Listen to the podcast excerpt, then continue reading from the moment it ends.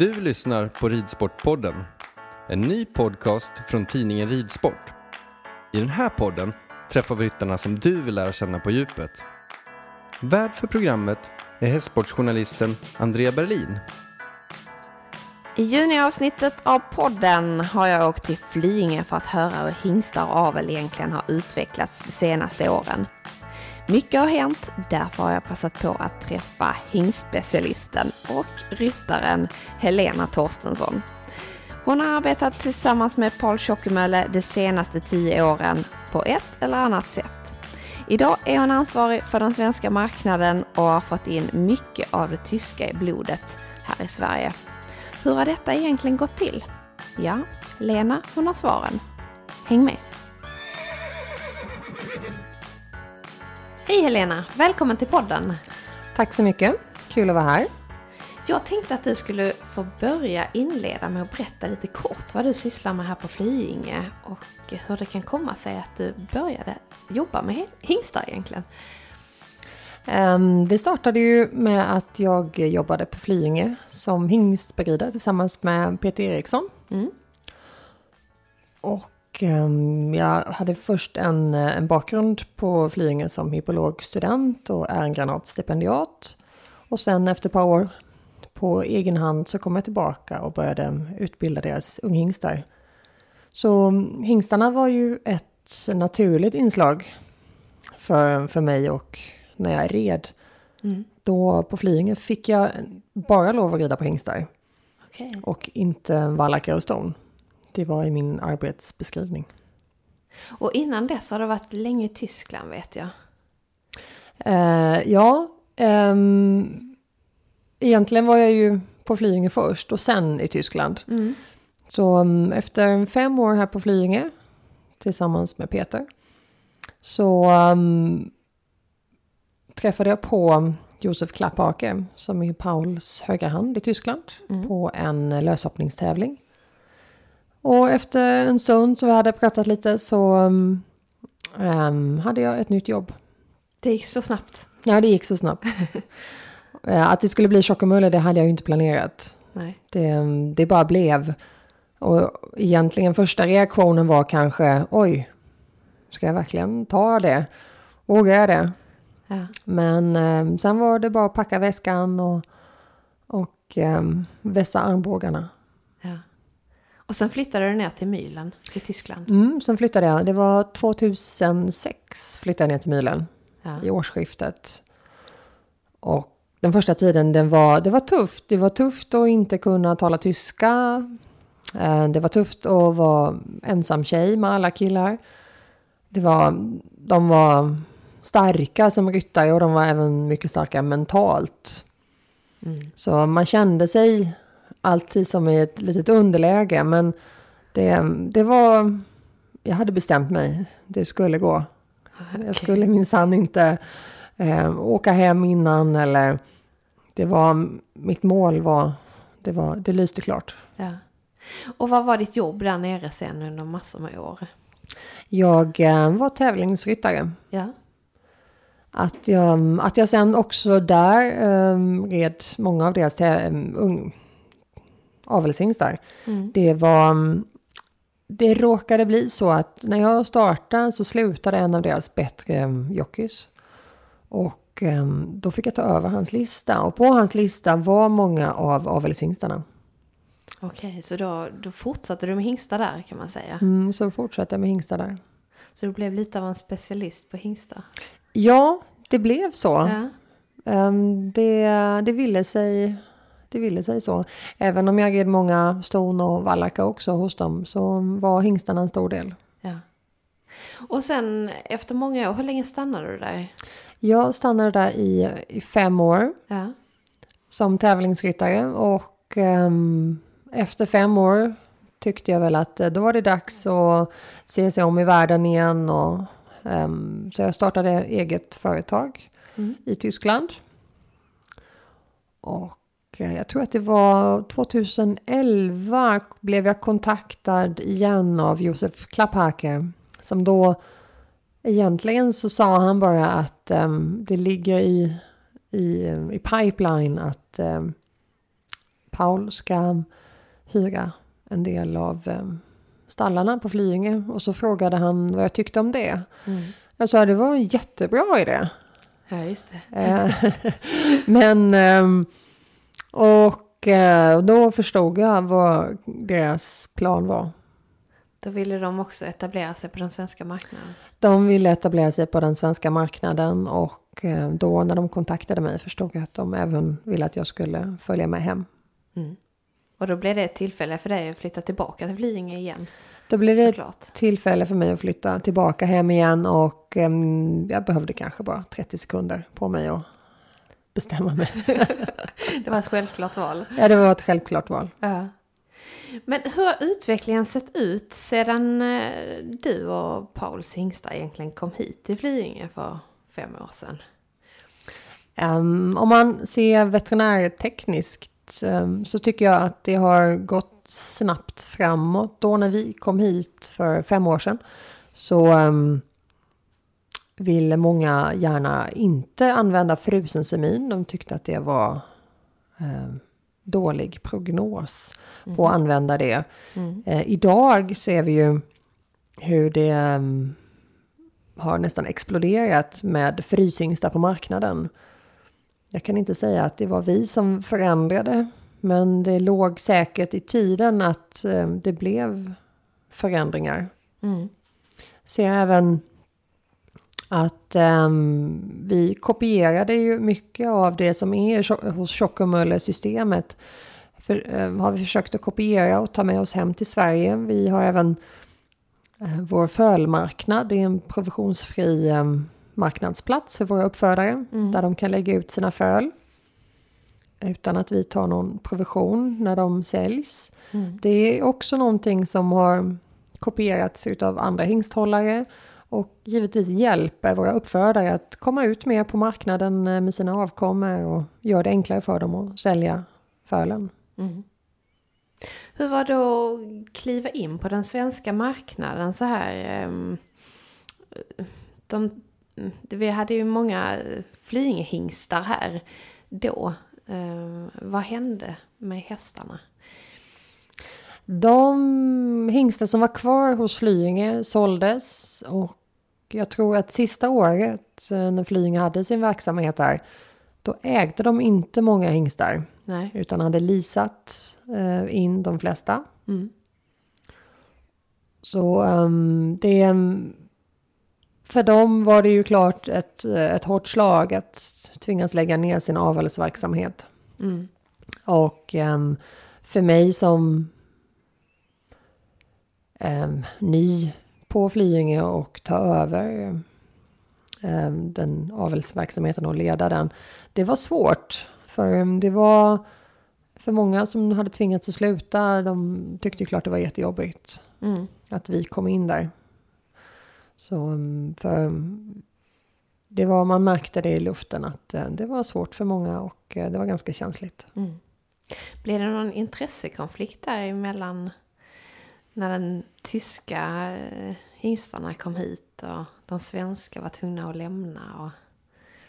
Jag tror för Flyinges del, ehm, de var ju klart glada att vi kom hit Mm. och ehm, tog över seminverksamheten och hingstverksamheten.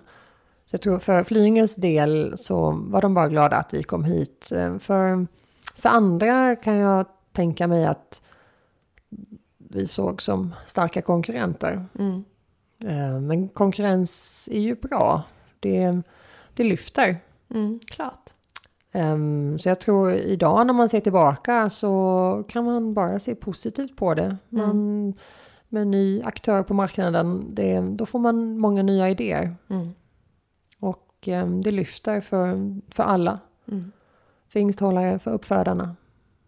Hur har kvaliteten eh, utvecklats tycker du? På, på hingstarna. Mm. Ehm, det, jag tycker att det har, om man ser nu i år på årets bruksprov så var det många fina hingstar. Många intressanta blodslinjer. Mm. Så, um, och där har vi också det här med konkurrensen. Och eh, man ser också att folk letar efter det som är gångbart på marknaden. Och det som är intressant för uppfödarna. Så jag tycker att det, det har verkligen blivit ett lyft. Kan man se vad de svenska storägarna egentligen vill ha för typ av hingstar? Generellt sådär. Ja, det är svårt att veta exakt vad de vill ha, men alla, nästan alla vill ha någonting som är ehm, populärt på tävlingsbanan. Någonting man kan läsa om i tidningen. Någonting man kan härleda till eh, som är en nyhet. Så man, man är inte rädd för att betäcka med någon som, som är väldigt populär eller har väldigt många avkommor? Nej, det är man inte. Man är inte Nej. rädd för att använda det. För, ehm, men man ser ju också idag med internet, man kan vara närmare den europeiska marknaden. Man ser vilka blodslinjer som fungerar på aktionerna i, ute i Europa. Och ehm, man tänker att det där skulle jag också kunna ha Mm. hemma. Så då söker de och idag när man också kan importera sperma överallt ifrån. Man kan importera sperma från Frankrike, Belgien, Holland, Tyskland, USA. Så har ju världen blivit lite mindre för oss här uppe i, i norr. Mm. Vi eh, behöver inte åka ner med våra ston till kontinenten för att inseminera dem. Vi kan ha kvar dem hemma och eh, inseminera med de bästa hingstarna. Här hemma istället. Är det någon hingsttyp som man kan märka är populärare än någon annan? Hingsttyp, menar du eh, blodslinjer? Ja, jag tänker på dels utseende eller kvaliteter eller... Alla, alla vill ha en vinnare. Ja, det är klart. Så att eh, jag skulle vilja säga att de hingstar som är ute på tävlingsbanan mest, eh, som används i aveln och godkända för, eh, för vår avel här uppe i Sverige, de blir ju klart populära. Ibland kan det vara svårt att få semin ifrån dem i och med att de tävlar. Då är de ofta bara tillgängliga på frusen semin. Så en bra exteriör och eh, en bra eh, resultat på, på bruksprov och sånt behöver inte ha så stor betydelse egentligen. Utan det är tävlingsresultaten som är avgörande. Ehm, I, eh, klart, allting, allting läggs tillsammans i en pott. Som man sen eh, får se och ehm, titta på. Passar det här till mitt sto? Ehm, skulle det kunna fungera? För det är klart en, en äldre hingst som har mycket resultat på tävlingsbanan och även då har lämnat mycket avkommor som går i, eh, i sporten. Då vet man att de avkommorna är hållbara och de levererar. Kan man märka att eh, de svenska storägarna har reagerat på olika sätt nu när det är mer tyskt blod eh, på Flyinge? Ehm, nej, det tycker jag nog faktiskt inte. Det var första året så var många misstänksamma mot oss. Vet du varför? Generellt. Ehm, ja, jag kan tänka mig att eh, vi, vi svenskar är lite försiktiga och behöver ibland en liten tid på oss att um, iaktta. Och sen bestämmer vi oss om vi tycker om det eller inte. Um, och um, jag tror vi har vunnit uh, mångas gillande för, för vårt mottagande här på seminstationen. Um, ehm, vi har bra veterinärer. De är mycket skickliga. Vi har en bra service. Veterinärerna tittar på stona varje dag. Och um, vi, um, vi försöker hålla en, en mycket hög servicenivå. Så att, och, Tror, tror du den här typiska svenska eh, hingsten saknas idag? Den ehm, typiska svenska hingsten är ju... Den är, ja, den är ju redan på 50-60-talet så var den uppblandad med, med internationellt blod. Man importerade redan då utländska hingstar till eh, Flyinge. Så idag vet jag inte om den typiskt svenska hingsten um, är den som har passerat nålsögat på det svenska bruksprovet. Eller om um, det är den med, om man kan studera längre bak till en svensk mödernelinje. Men um, idag tror jag mer på en europeisk häst mm. än just en specifikt svensk häst. Mm. Under de här åren, hur har de tyska hästarnas... Eh, hur ser man på dem på bruksproven idag? Har det ändrats någonting i synen eftersom de är många fler nu? Jag tror inte att um, domarna tittar specifikt om den är svensk eller om den är tysk eller om den är fransk. Nej. Jag um, tror att de, um, de tittar på det med, med klara ögon. De ser, är den intressant individ för, um, för vår avel?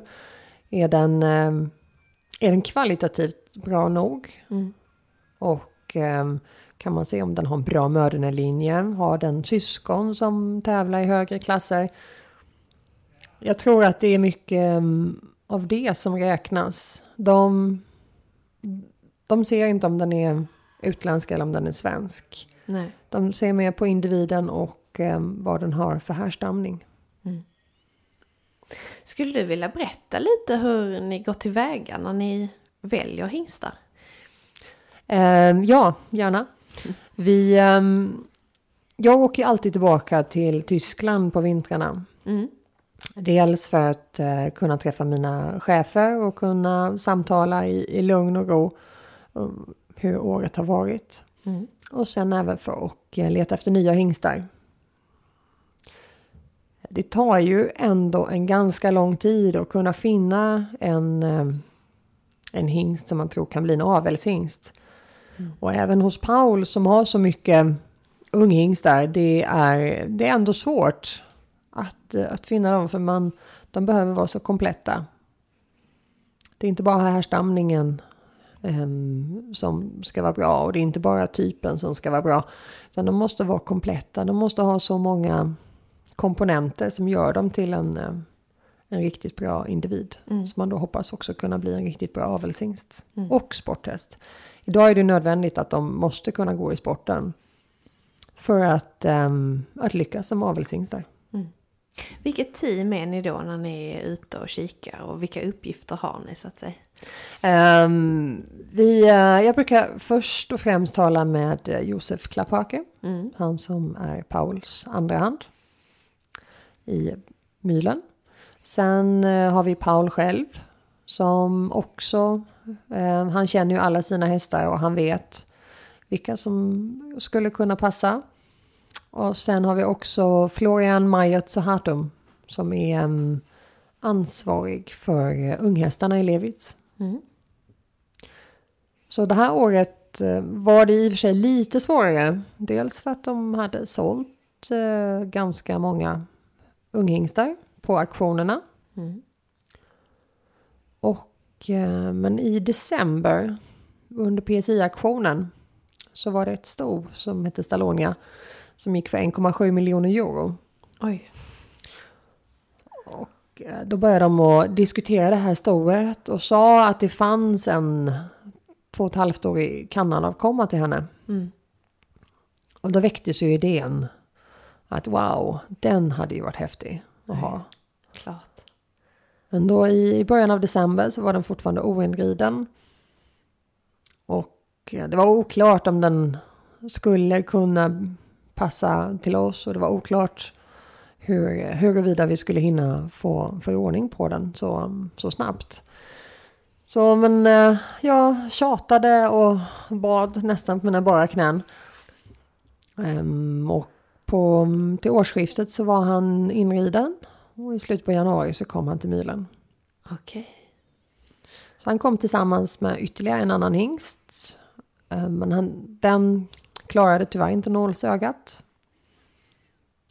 Och, men den här den blev man förtjust i bara man såg i, um, på longerlinan så tänkte man ja men den här ser fin ut. Man hoppas ju att det ska vara samma känsla när man ser den trava fritt som när man sitter på. Ja det är klart. Men när ni då är ute och kikar på hästar, går ni mycket efter känsla och sådär? Ja, men eh, med en treårshingst så får man titta mycket på typen. Mm. Och det vägs ju också in mycket här på bruksprovet. Sen får man se hur den löshoppar. Och det måste kännas lite extra när man ser dem. Mm. Det måste vara en känsla. Redan när man ser den så ska man känna att wow, det här är häftigt. Oavsett vilken Cool fact a crocodile can't stick out its tongue. Also, you can get health insurance for a month or just under a year in some states. United Healthcare short term insurance plans, underwritten by Golden Rule Insurance Company, offer flexible, budget friendly coverage for you. Learn more at uh1.com. Every fan knows the right player in the right position can be a game changer. Put LifeLock between your identity and identity thieves to monitor and alert you to threats you could miss. Plus, with a US based restoration specialist on your team, you won't have to face drained accounts, fraudulent loans, or other losses from identity theft alone. All backed by the LifeLock Million Dollar Protection Package.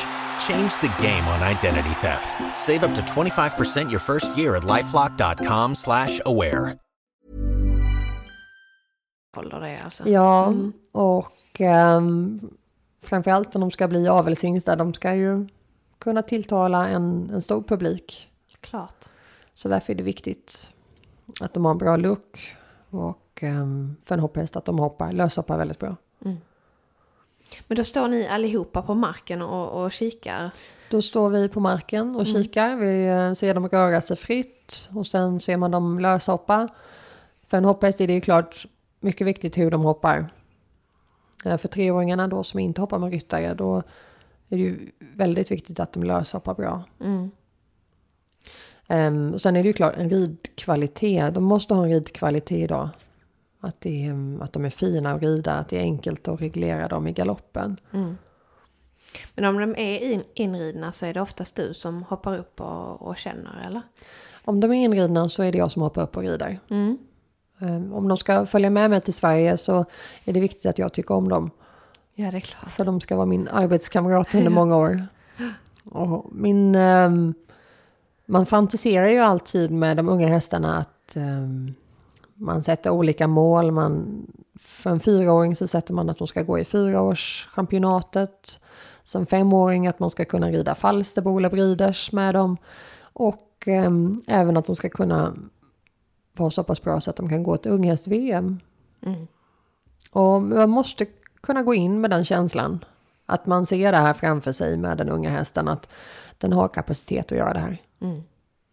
För då är man rätt, rätt på det. Man måste själv tro på sin häst. Ja, visst är det så.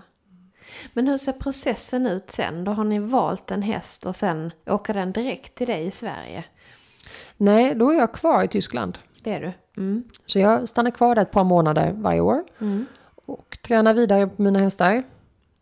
Till exempel eh, Armani ehm, och de andra hingstarna följer ju med ner till Tyskland och ehm, får följa med mig ner. Så blir de ridna och tränade där. Okej. Så jag... ehm, när jag startade så var jag halva året i Sverige, halva året i Tyskland. Och nu har det blivit mer och mer Sverige och mindre Tyskland. Detta året så var jag tre månader i Tyskland. Och då får du en grundutbildning med dem, eller om man ska säga där nere, en bra start innan du kommer hit igen med dem. Ja, det är ju... Dels är det ju skönt att kunna få rida med bra tränare varje dag. Mm. Eh, Man kan hoppa med bra tränare. Det är um, bra, det är bra banor uppsatta i eh, tre olika maneger. Det, förutsättningarna blir bättre om man är där nere och tränar dem. Det är svårt att träna dem här på Flyinge. Det är mycket studenter. Så um, där får man i, i lugn och ro kunna utbilda sina unghästar. Så det är, och dessutom då med oerhört bra tränare. Det här året um, har jag ridit mycket för Franke Slåtack. Mm. Som um, kommer ett par dagar i veckan till Mylen och tränar. Så som ryttare, jag har ju fortfarande ett intresse att vara en bra ryttare.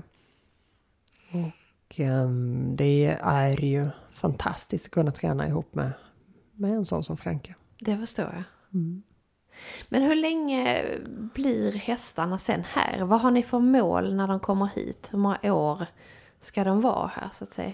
Jag förstår att det är olika men ni, ni lägger väl upp ett, en plan för de olika kan jag tänka mig.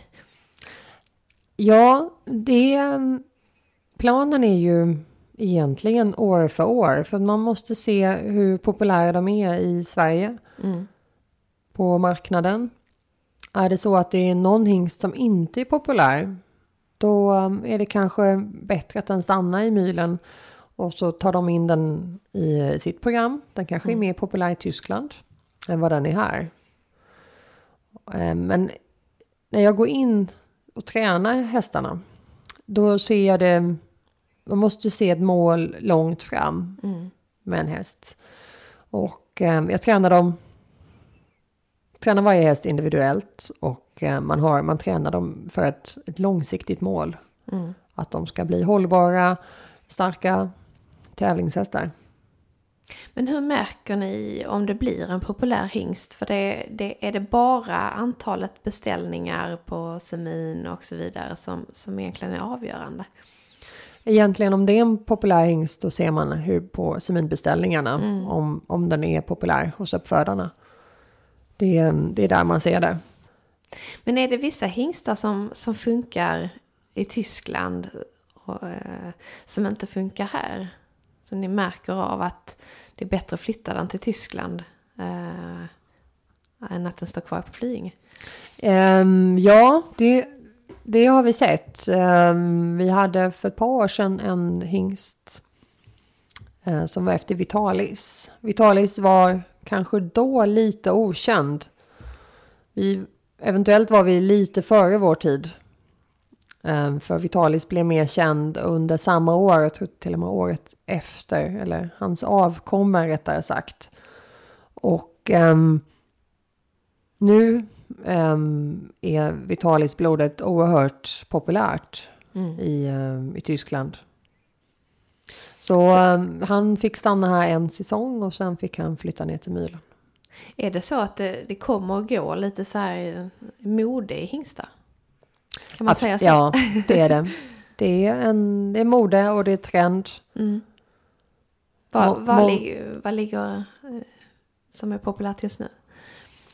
Ehm, det som är oerhört populärt är um, Kannan-blodet, Chaco-blodet och uh, Balobé-blodet.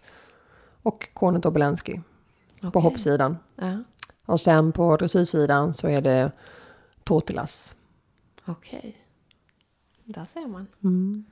Är det någon häst som du har tackat nej till eh, under årens lopp som du sen har ångrat? Ja, det, ehm, det har väl hänt faktiskt. Ehm, och jag har själv ridit hästar som jag kände att nej, nu kommer jag inte vidare här. Nej. Och sen ser man dem kanske ett par år senare när de hoppar eh, de allra största klasserna. Och ehm, då tänker man oj, vad, jag, vad gjorde jag för fel där? Ja. Hur kunde, varför kände jag ingenting? Ja. Men ehm, det är ju det som är det underbara med hästsporten och hästarna. För det behövs personkemi, det behövs um, ihärdighet, uthållighet. Att träna den unga hästen vidare tills den har erfarenhet nog och tills den har lärt sig nog hur, um, hur den ska göra för att kunna hoppa stora hinder. Och det, um, det tycker jag är så himla häftigt. Och man har ju själv ridit hästar som andra har sagt att nej, där kommer inte vidare. Där man själv har kommit vidare. ja, men det är roligt. Mm. När du väljer ut en, en uh, hingst, eh, skulle du kunna säga fem nycklar som du använder dig av när du ska titta på dem? Ja, då är det väl först att man ska se typen. Den ska vara tilltalande, den ska ha halsen på rätt ställe. Den ska ha Är korrekt. det en modern typ? Du vill ha en lättare typ av häst eller är det... Har du några sådana krav så att säga?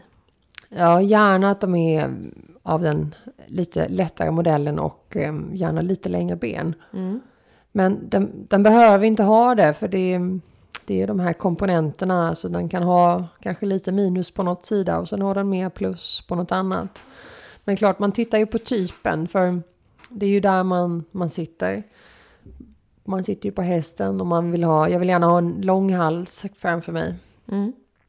Och eh, för mig är det viktigt att inte sitta på manken. Utan manken ska vara framför sadeln. Mm.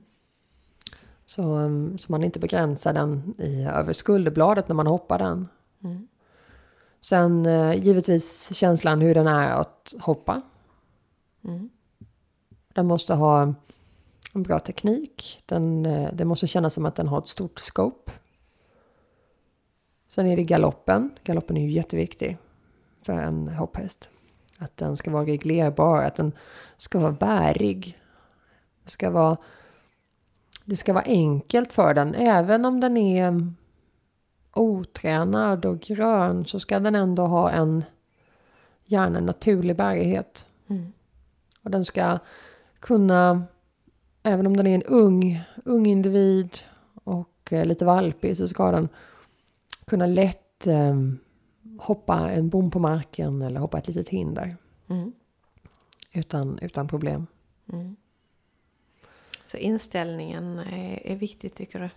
Inställningen är jätteviktig. Det är, det är en av de viktigaste komponenterna. För den, har den inställning och vill den så kan den lära.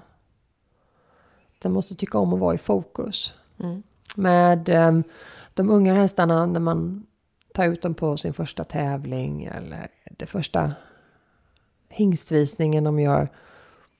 Man vet aldrig riktigt vad som kommer att hända utan det, i och med att det är första gången så blir det också en, en bra, ett bra tillfälle att se hur de tar sig för uppgiften. Mm. Tycker de om då att vara i centrum? Tycker de om att och eh, bara fokusera på sin uppgift? Då är det ju, då är det ju väldigt bra. Jag tänkte också att vi skulle prata lite om den affärsmässiga biten med hingstarna. Ehm, och efterfrågan i Sverige och hur man kan jämföra det med Tyskland. Hur har du märkt att skillnaderna har varit mellan länderna? Ehm, jag tror i, ehm, i Tyskland säljs klart mer hästar och där säljer man ju även sina avelshingstar. Mm. Ehm, allt, allt är till salu för rätt pris. Och det kommer, tror jag, mer och mer också till Sverige. För det är ju så, ska, om man ska ha en vinstdrivande verksamhet så måste man sälja sina hästar. Mm. Det är, det är nödvändigt, tyvärr, i vissa fall. För, men eh, så är det. Vet du vad Tjockemöller har för mål med eh, verksamheten här på Flyinge? För jag kan tänka mig att han gillar ju att göra business med hästar och har säkert en plan för framtiden. Hans, ehm, eller vår plan, det var ju från början att ehm, kopiera det system som Tjockumölla har idag i Tyskland. Mm. Att ha en föreläsning som vi även har i augusti. Och eh, sen även ha en aktion för våra uppfödare. Bland annat som vi startade med förra året. Så egentligen tror jag bara att vi vill fortsätta och göra det vi gör och göra lite mer av det. Sen hade det klart varit trevligt att ha lite fler hingstar här på Flyinge. Mm. Hur många har ni här idag? Vi har fyra stycken stående här. Mm. Så vårt mål kan bli att um, fördubbla det. Mm. Kan, Men är det försäljningshästar också? Eller det är bara hingstar? vi har även försäljningshästar ifrån Levitz. Okej. Ja. Och de håller du också i träning eller? De håller jag också i träning. Okej. Så, Så du är spindeln i nätet för hela verksamheten kan man säga? ja, jag är um, spindeln i nätet och um, försöker att um, kanske dela ut bollarna till mina anställda. Men i sista slutändan så får man vara den som har överblicken. Ja. Vad tror du om den svenska aven? Tror du den håller på att dö ut nu när det kommer så mycket utländskt blod? Nej, den svenska aven lever. Det gör den? Eh, ja, våra svenska uppfödare de, eh, de avlar ju den svenska hästar. De föds här i Sverige. Mm. Och um, igen är det viktigt att um, påpeka att de, de, det är en, en sporthäst, det är en, uh, med en e- europeisk ehm, häst idag. En, specifikt en, ett visst lands häst. Vi använder blodslinjer från, från hela Europa, hela världen. Ehm, och eh, de svenska uppfödarna är mycket duktiga. Vi har mycket fina hästar. Mycket fina storstammar. Eh, den svenska uppfödaren är oerhört um, noga med um, sina hingstval. De, uh, de undersöker mycket via nätet. de, den typiska uppfödaren är ju idag, har kanske ett, två ston hemma. Mm. Därför blir det så mycket mer noga för den uppfödaren att, eh, att hitta rätt. Hur ser det ut i Tyskland? Hur många ston har varje ägare där? Um, det kan jag tyvärr inte svara på. Um, och, uh, men där är det ju mer vanligt med de här storhästuppfödarna. Där de kanske har en 25-30 ston. Ja. I, um, I Sverige har vi ju kanske en handfull som har så många ston. Mm. Det är mer vanligt i, i, på kontinenten att man har många ston. Vilken fortsättning tror du det kommer att bli nu eh, efter fem år här? Kontraktet är förlängt. Så även för framtiden så kommer vi att eh, befinna oss här på Flyinge. Mm. Sen, det känns ju egentligen spännande nu för nu har man klarat av den, den inledande fasen och nu kan man gå vidare och nu kan man utveckla mer mm. konceptet. Är det någonting som, som du har som du vill utveckla som du har gått och funderat på? Jag skulle vilja utveckla vår aktion mer. Ja. Vi kommer ju ha den i år. Med de äldre hästarna eller yngre? Med de yngre och kunna mm. först och främst lägga aktionen på en, en bra datum för våra uppfödare så deras föl kan få komma med. Och förra året hade vi den ganska sent. Det var svårt för fölen att eh, vara med på det datumet. De hade satt mycket vinterpäls och okay. Eh, de, vissa var avvanda redan. Har det stor betydelse när på året aktionerna ligger? Ja, för fölen har det stor, mm. stor skillnad. Om det är så att de är mm, för, för gamla så att säga. för aktionen då har de växt ur sig lite. Mm. Då har de blivit, um, ser nästan ut som ettåringar och de har blivit lite för gamla. Okay. Så det är, viktigt, det är väldigt viktigt för fölen att det är rätt ålder på mm. dem. Har du några drömmar för framtiden när du funderar framåt? Ja, jag, ehm, för mig är det viktigt att ha en röd tråd som jag kan se. Mm. Um, och när jag startade här på PS Flying Partners så var det viktigt för mig att eh, få starta upp det. Och under de två första åren var det viktigt för mig att vara, med och vara delaktig och kunna sätta en, en personlig prägel på företaget. Mm. Och drömmarna är mm, då. Det var mm, först att få en bruksprovsvinnare i hoppning och sen en i dressyr. Det har inträffat i år mm. med den sista bruksprovsvinnaren i dressyr. Och jag skulle vilja säga att um, det kändes jätteskönt. Och i fortsättningen så kan jag tycka att uh, drömmarna kommer bli att um, våra hingstar ska ha framgångar här på de svenska tävlingsbanorna i, i Sverige. Samt att jag hoppas att um, deras avkommor kommer att um, visa framsteg och framgång här. Mm. Och inte bara i Sverige utan i Europa. Har du som dröm att äga någon hingst själv kanske? Eh, nej, det har jag inte. Det har du inte? Nej. men eh, hade jag haft den så kanske jag hade sålt den. Mm. Eh, men eh, jag, har, eh, jag äger ett, eh, ett föl idag. Eller en ettåring idag själv. Okej. Är det Jag en hingst också eller? Nej, det är ett sto. det är ett sto. Okej. ett sto. Så det är svårt att äga egna hästar. Mm. Det är svårt att få tiden att räcka till, till de som är redan. Så, Du får lite känslor för de andra du Ja. jobbar med ändå. mm. Man Ja. sköter ju dem som sina egna. Precis. Det har varit jätte- jättetrevligt att, att vara här Helena och Mm. prata om hingstarna och få en djupare inblick hur ni jobbar här på Flyinge. Så jag tackar så jättemycket. Tack själv. Tack. Vi vill jättegärna veta vem du vill att vi ska träffa nästa gång och vad vi ska prata om. Maila till oss på podden snabel tidningen ridsport.se. Programmet producerades av Lavaletto. Tidningen Ridsport. Allt du behöver veta om sport, avel och nyheter. Prenumerera du också.